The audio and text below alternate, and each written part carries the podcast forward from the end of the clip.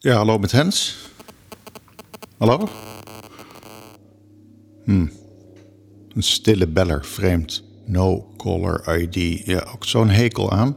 Als ze wel wat zeggen, dan gaat het meestal om een energiecontract of zo. Oké. De verstrengeling van deeltjes waar we in deze serie verhandelingen wel eens over gepraat hebben, riep heel wat vragen op. Vandaag een ander kwantumraadsel. Maar ho, voordat u wegskipt, het geval van vandaag valt goed te volgen. Dit is best uniek, of niet? Het fenomeen heet kwantumtunneling en houdt de gemoederen al bijna een eeuw bezig. Eerst eens even, wat is kwantumtunneling? Hens, er schuilt een echte leraar in je. Als een deeltje, bijvoorbeeld een elektron of een positron, een barrière tegenkomt, dan wordt het doorgaans tegengehouden door middel van absorptie. Of het ketst er vanaf, dan heeft u retransmissie. Alles wat u ziet als u uw ogen open heeft, is precies dat.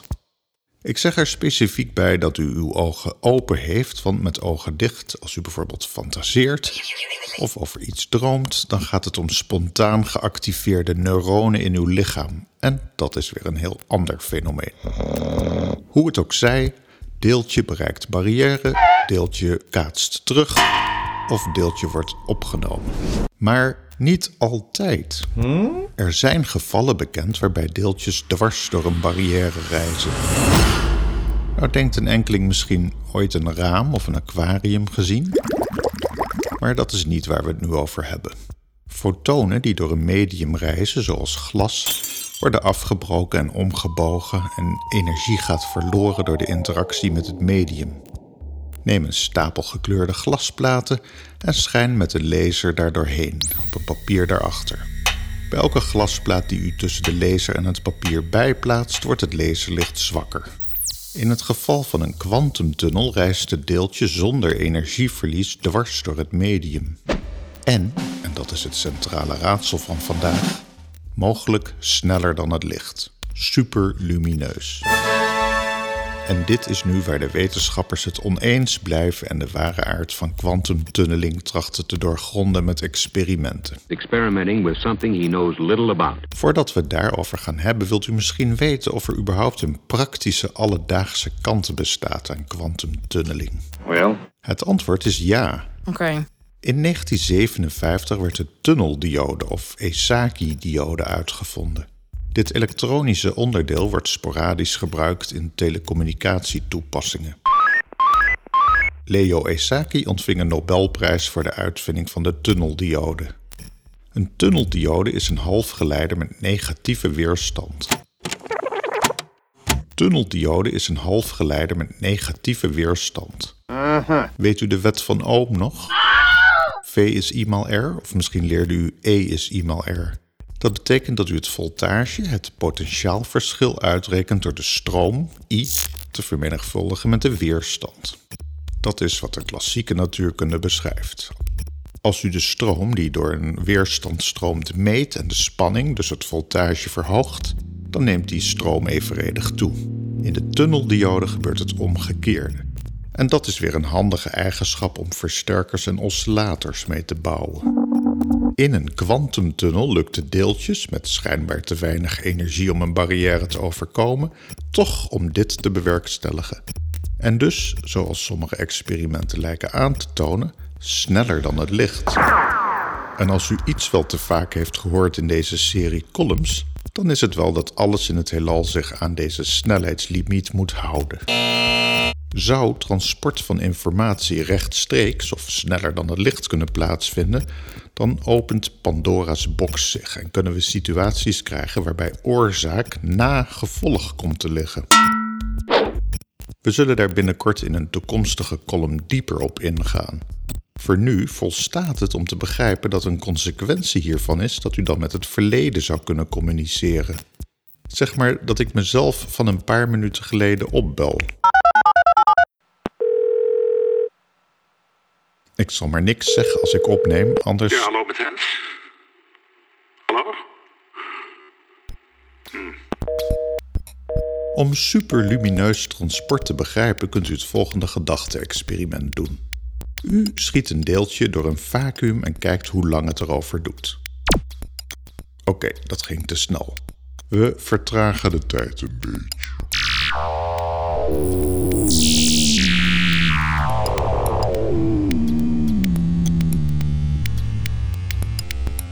Oké, dat duurde, laten we zeggen, 15 eenheden per superkleine tijdsaanduiding. Nu plaatsen we een barrière tussen ons deeltjespistool en de sensor aan de andere zijde en schieten wederom een deeltje af.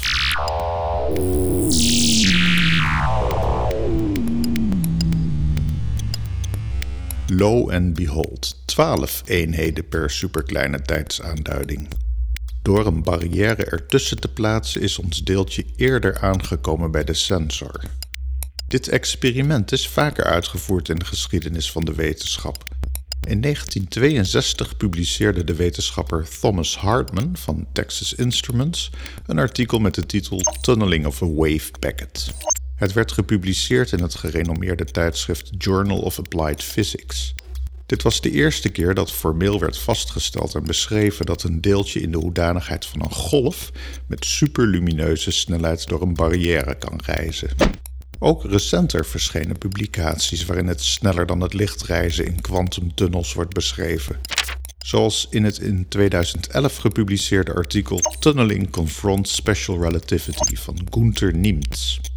Niemts postuleert zelfs dat een deeltje of wave packet nul tijd doorbrengt in de kwantumtunnel. Hens, ik twijfel hieraan. Maar dat is toch niet wat gemeten wordt, roepen wij verontwaardigd uit. Nou ja en nee. Experimenteel wordt wel vastgesteld dat een deeltje tijd verliest bij de traversie van de kwantumtunnel. Minder tijd dan in een vacuüm, maar toch tijd. Niemts gaat er echter vanuit dat deze tijd verloren wordt bij het arriveren bij en verlaten van de kwantumtunnel en niet daarin. Strange business, if you ask me. Mighty strange. Er zijn wetenschappers zoals Herbert Winful en Chris Lee die stellen dat het waargenomen sneller dan het lichttransport op andere wijze verklaard kan worden. Met andere woorden dat Hartman en Niemts het bij het verkeerde eind hebben. Er wordt ook wel eens gesuggereerd dat dat wat de tunnel inkomt niet hetzelfde is wat eruit komt. Maar dat blijkt experimenteel toch ook weer niet aangetoond te kunnen worden. En dan zijn er ook nog wetenschappers die een gematigder standpunt innemen. Efraïn Steinberg van de Toronto Universiteit stelt dat kwantumtunneltransport dan wel superlumineus plaatsvindt, maar nergens breekt met de causaliteit. Dus dat oorzaak altijd vooraf blijft gaan aan gevolg. Steinberg vergelijkt het met een trein met wagons. De trein koppelt onderweg bij elk station één wagon af, waardoor de gemiddelde snelheid van de gehele trein hoger ligt dan die van de individuele wagons. Maar voor wat betreft de klassieke mechanica blijven oorzaak en gevolg in het treinverhaal gewoon kloppen. Er is nog één ding aan kwantumtunnels wat ik u niet wil onthouden. In augustus 2013 verscheen een artikel met de titel Quantum Tunneling to the Origin and Evolution of Life in het tijdschrift Current Organic Chemistry van auteur Frank Trixler. Trixler beschrijft dat kwantumtunneling niet alleen een exotisch fenomeen is dat in de kern van sterren en laboratoria wordt waargenomen, maar dat het van cruciaal belang is bij prebiotische biologie en chemie. Met andere woorden, dat we ons leven te danken hebben aan deze schijnbare overtreding van Einsteins natuurkunde. Een soort crack in de surface van het leven dus. En dat zet ons toch aan het denken. Hi, ik ben Wendy en ik speel Liz in brugklas. Ik probeer Hans een backflip te leren, maar hij vindt het niet zo'n top idee. Maar willen jullie ook de petitie tekenen? Mail dan naar hanszimmerman.gmail.com en dan kan je ook nog gelijk een leuke vraag stellen over het heelal. Tot volgende week.